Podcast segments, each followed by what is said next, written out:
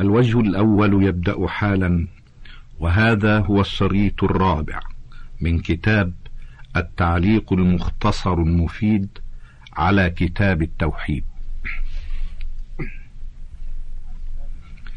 عن ثابت بن الضحاك قال نظر رجل أن ينحر إبلا ببوانته فقال النبي صلى الله عليه وسلم هل كان فيها وثن من أوثان الجاهلية؟ يعبد قالوا لا. قال فهل كان فيها عيد من أعيادهم؟ قالوا لا. فقال رسول الله صلى الله عليه وسلم أوف بنذرك. فإنه لا وفاء لنذر في معصية الله ولا فيما لا يملك ابن آدم. رواه أبو داود وإسناده على شرطهما. ثابت.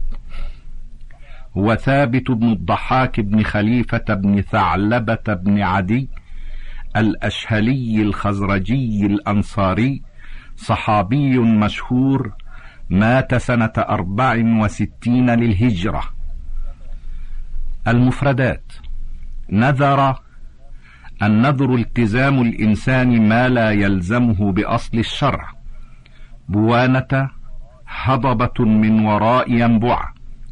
وثن الوثن كل ما عبد من دون الله من قبر وغيره. عيد العيد اسم لما يعود من الاجتماع على وجه معتاد. على شرطهما أن ينطبق عليه شرط البخاري ومسلم. الذي هو اتصال السند بالعدول الضابطين من غير شذوذ ولا علة. معنى الحديث اجمالا. يذكر الراوي أن رجلا التزم لربه أن ينحر ابلا في موضع معين على وجه الطاعة والقربة وجاء يسأل النبي صلى الله عليه وسلم عن التنفيذ. فاستفصل النبي صلى الله عليه وسلم عن ذلك المكان الذي سبق أن وجد فيه شيء من معبودات المشركين أو سبق أن المشركين يعظمونه ويجتمعون فيه. فلما علم صلى الله عليه وسلم بخلو هذا المكان من تلك المحاذير أفتى بتنفيذ النذر. ثم بين صلى الله عليه وسلم النذر الذي لا يجوز الوفاء به وهو ما كان المنظور فيه معصية لله أو لا يدخل تحت ملك الناذر. مناسبة الحديث للباب. أن فيه المنع من الذبح لله في المكان الذي كان فيه وثن من أوثان الجاهلية ولو بعد زواله. ما يستفاد من الحديث. اولا فيه المنع من الوفاء بالنذر إذا كان في المكان الذي عين له وثن ولو بعد زواله. ثانيا فيه المنع من الوفاء بالنذر بمكان عيد الجاهلية ولو كان بعد زواله. ثالثا فيه استفصال المفتي من المستفتي قبل الفتوى. رابعا فيه سد الذريعة المفضية إلى الشرك. خامسا فيه ترك مشابهة المشركين في عبادتهم وأعيادهم. وإن كان لا يقصد ذلك. سادسا فيه أن الذبح لله في المكان الذي يذبح فيه المشركون أو يتخذونه محلا لعيدهم معصية. سابعا فيه أن نذر المعصية لا يجوز الوفاء به. ثامنا فيه أن النذر الذي لا يملكه النادر كأن قال لله علي أن أعتق عبد فلان لا وفاء له. تاسعا فيه وجوب الوفاء بالنذر الخالي من المعصية الداخل تحت ملك الناذر. باب من الشرك النذر لغير الله. وقول الله تعالى يوفون بالنذر وقوله تعالى وما انفقتم من نفقه أو نذرتم من نذر فان الله يعلمه. مناسبة هذا الباب لكتاب التوحيد. أن المصنف رحمه الله بين فيه نوعا من أنواع الشرك المنافي للتوحيد ليحذر ويجتنب. المفردات. من الشرك أي الأكبر. النذر لغير الله لأنه عبادة وصرف العبادة لغير الله شرك. والنذر مصدر نذر ينذر أي أوجب على نفسه شيئا لم يكن واجبا عليه شرعا تعظيما للمنذور له. وأصله في اللغة الإيجاب. يوفون بالنذر يتممون ما أوجبوا على أنفسهم من الطاعات لله. ما شرطية ويجوز أن تكون موصولة. أنفقتم من نفقة يشمل كل صدقة مقبولة وغير مقبولة. أو نذرتم من نذر يشمل كل نذر مقبول وغير مقبول. فإن الله يعلمه اي فيجازيكم عليه ففيه معنى الوعد والوعيد. معنى الآيتين إجمالا. أن الله يمدح الذين يتعبدون له بما أوجبوه على أنفسهم من الطاعات. كما أنه يخبر سبحانه أنه يعلم كل صدقة تصدقنا بها وكل عبادة التزمناها له أو لغيره وسيجازي كلا على حسب نيته وقصده. ومناسبة الآيتين للباب أنهما يدلان على أن النذر عبادة حيث مدح الموفين به وهو لا يمدح إلا على فعل مأمور أو ترك محظور كما أنه أخبر أنه يعلم ما يصدر منا من نفقات ونذور وسيجازينا على ذلك فدل ذلك على أن النذر عبادة وما كان عبادة فصرفه لغيره شرك. ما يستفاد من الآيتين. اولا أن النذر عبادة. صرفه لغير الله شرك أكبر. ثانيا إثبات علم الله تعالى. ثالثا إثبات الجزاء على الأعمال. رابعا الحث على الوفاء بالنذر. وفي الصحيح عن عائشة رضي الله عنها أن رسول الله صلى الله عليه وسلم قال من نذر أن يطيع الله فليطعه ومن نذر أن يعصي الله فلا يعصه. المفردات في الصحيح أي صحيح البخاري عائشة هي أم المؤمنين زوج النبي صلى الله عليه وسلم. وبنت أبي بكر الصديق رضي الله عنها وهي أفقه النساء مطلقا وأفضل أزواج النبي صلى الله عليه وسلم ما عدا خديجة ففي تفضيلها عليها خلاف توفيت سنة سبع وخمسين للهجرة فليطعه أي ليفعل ما نذره من طاعته فلا يعصه أي فلا يفعل ما نذره من المعصية. معنى الحديث إجمالا. أن النبي صلى الله عليه وسلم يأمر من صدر منه نذر طاعة أن يوفي بنذره كمن نذر صلاة أو صدقة أو غير ذلك. وينهى من صدر منه نذر معصية عن تنفيذ نذره كمن نذر الذبح لغير الله. ومناسبة الحديث للباب أنه دل على أن النذر يكون طاعة ويكون معصية فدل على أنه عبادة فمن نذر لغير الله فقد أشرك به في عبادته. ما يستفاد من الحديث؟ اولا فيه أن النذر عبادة فصرفه لغير الله شرك ثانيا فيه وجوب الوفاء بنذر الطاعة. ثالثا فيه تحريم الوفاء بنذر المعصية. باب من الشرك الاستعاذة بغير الله. وقوله تعالى وأنه كان رجال من الإنس يعوذون برجال من الجن فزادوهم رهقا. مناسبة الباب لكتاب التوحيد أن فيه بيان نوع من أنواع الشرك المنافي للتوحيد ليحذر ويجتنب المفردات.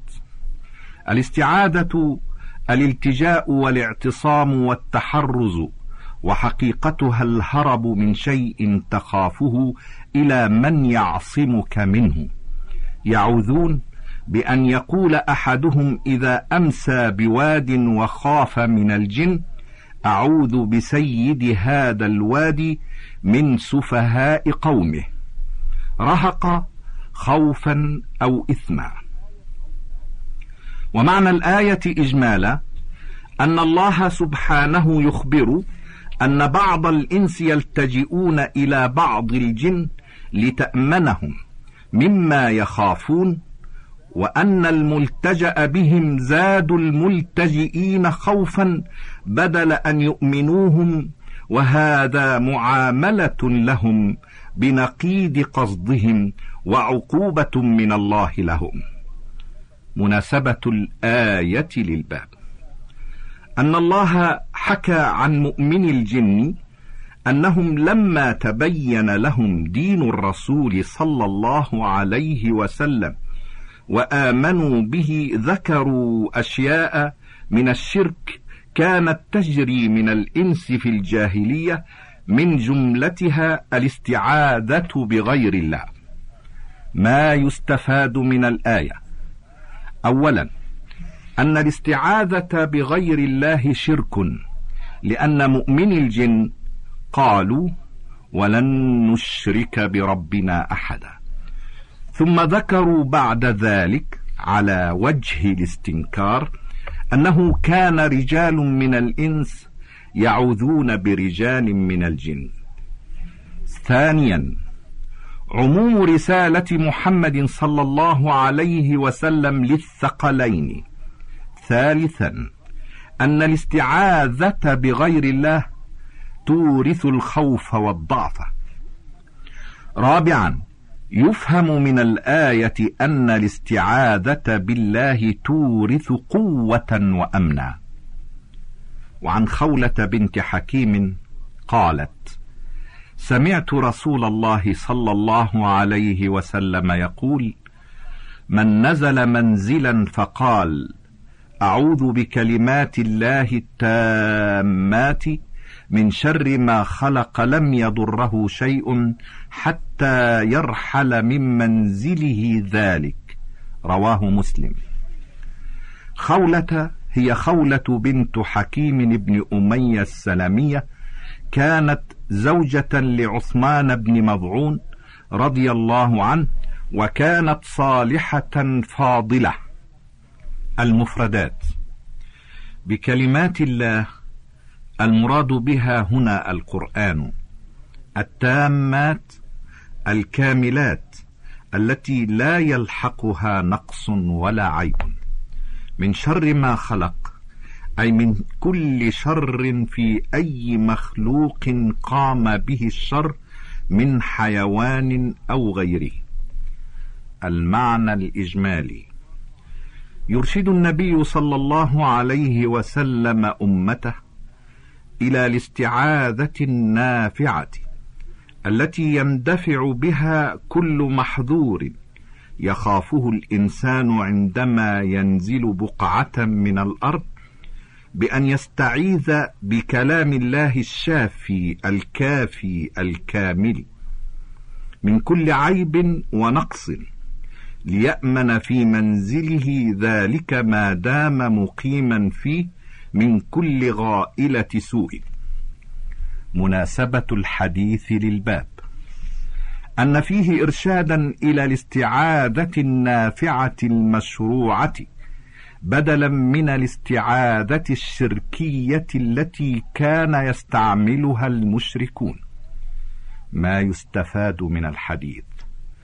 اولا فيه بيان الاستعاذه المشروعة وهي ما كانت بأسماء الله وصفاته.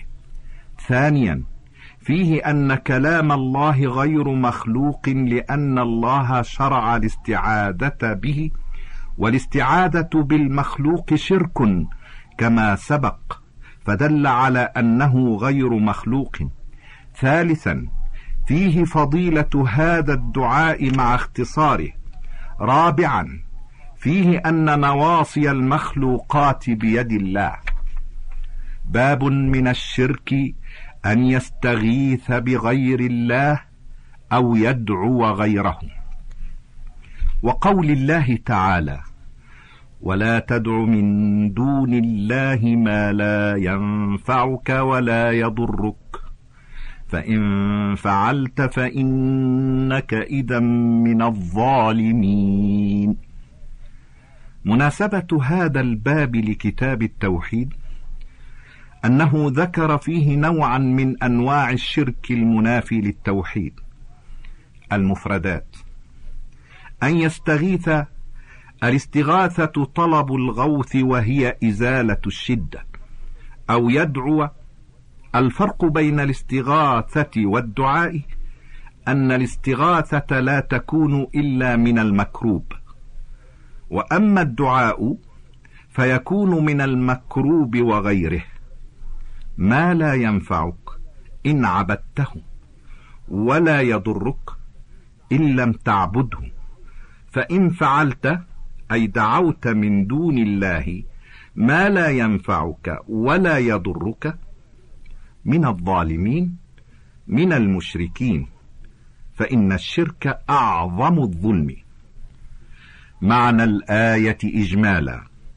ينهى الله نبيه أن يدعو أحدا من سائر المخلوقين العاجزين عن إيصال النفع ودفع الضر ثم يبين له حكمه لو فرض أن دعي غير الله بأن يكون حينئذ من المشركين وهذا النهي عام لجميع الأمة.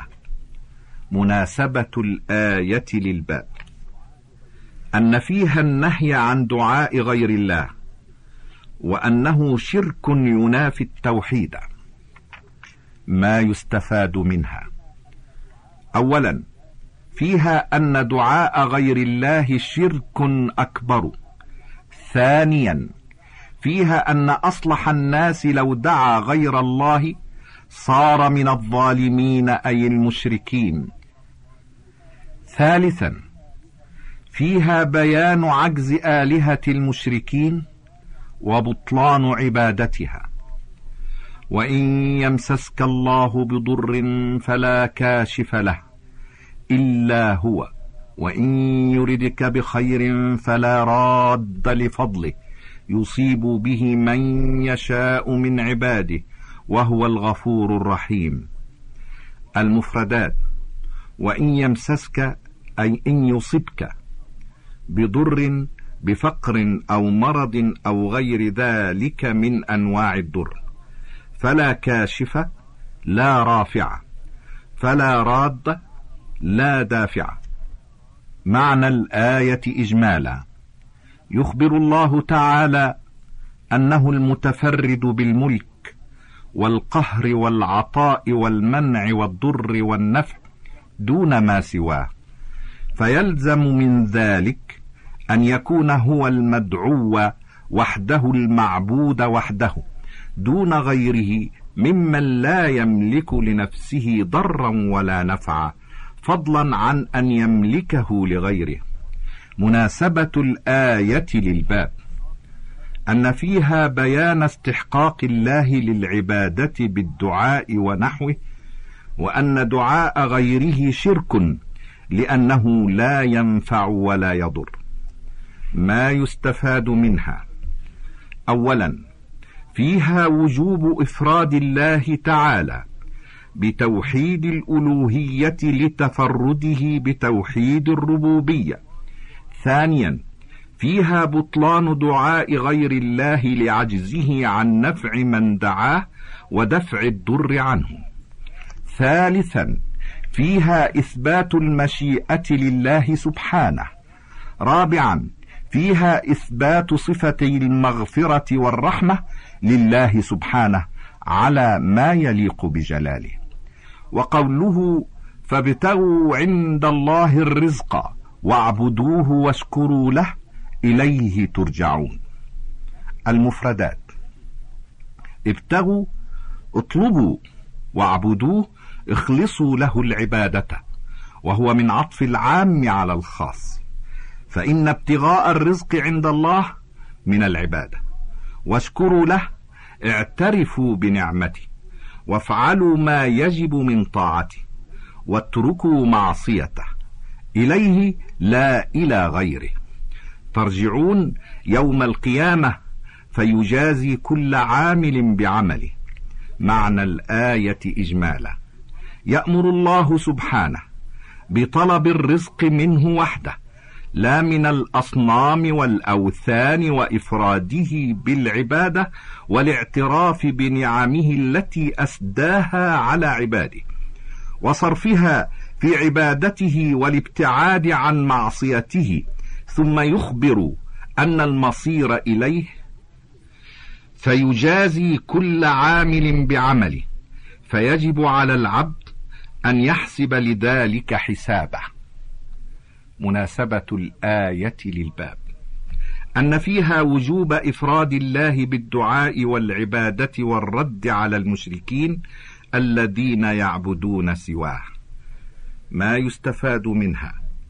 اولا وجوب دعاء الله وحده وطلب الرزق منه.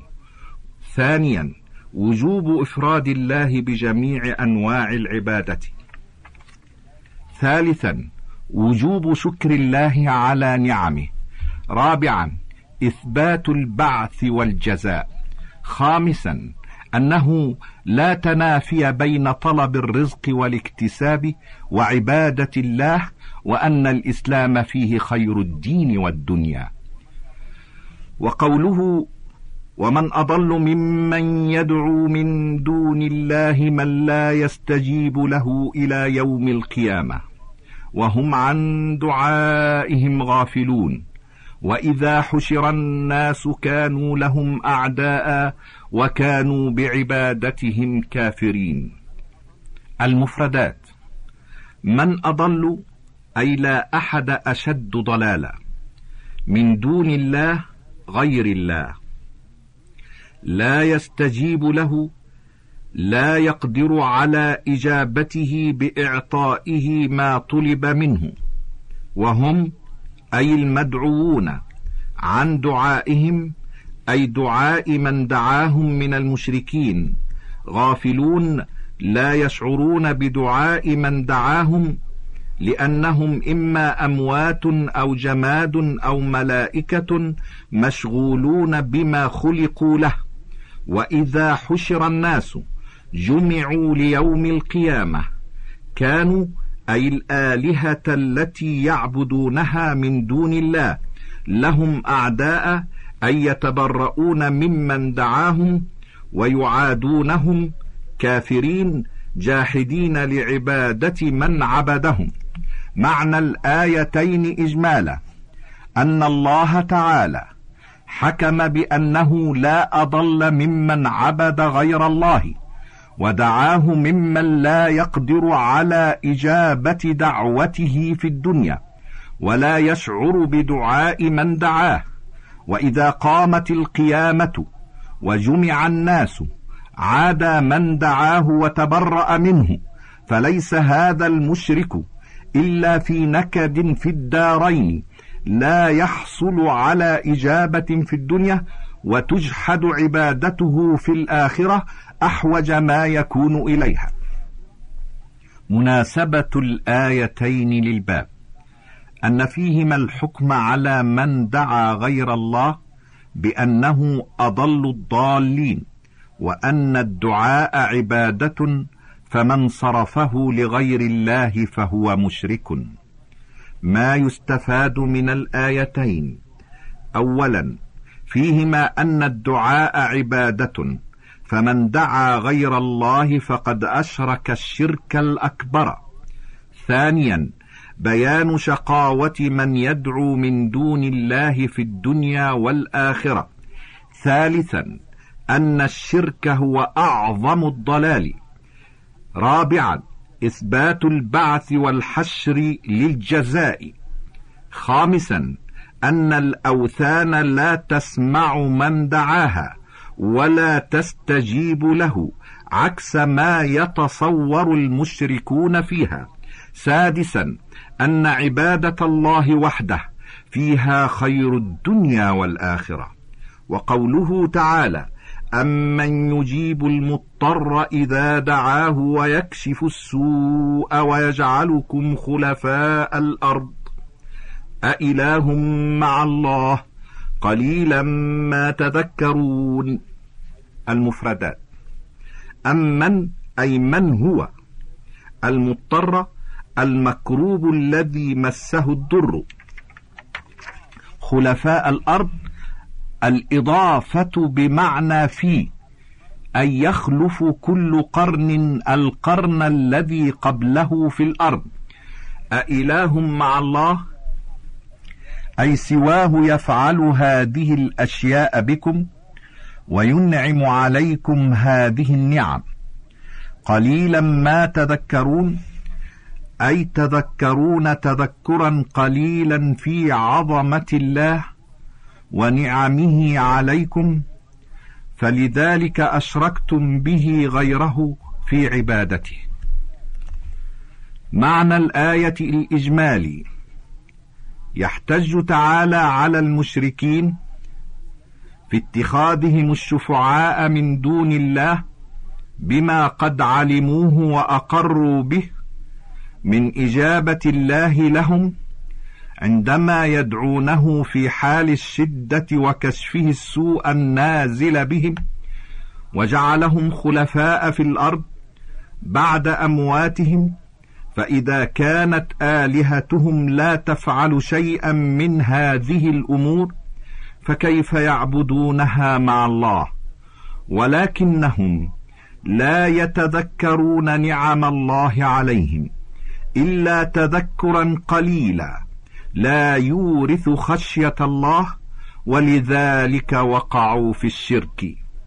مناسبة الآية للباب. أن فيها بطلان الاستغاثة بغير الله لأنه لا يجيب المضطر ويكشف السوء النازل ويحيي ويميت سواه. ما يستفاد منها؟ اولا فيها بطلان الاستغاثة بغير الله فيما لا يقدر عليه إلا الله. ثانيا فيها أن المشركين مقرون بتوحيد الربوبية ولم يدخلهم ذلك في الإسلام. ثالثا فيها الاستدلال على توحيد الإلهية بتوحيد الربوبية. رابعا فيها الاحتجاج على المشركين بما أقروا به على ما جحدوه فضلا اقلب الشريط وأعده إلى بداية الوجه الثاني.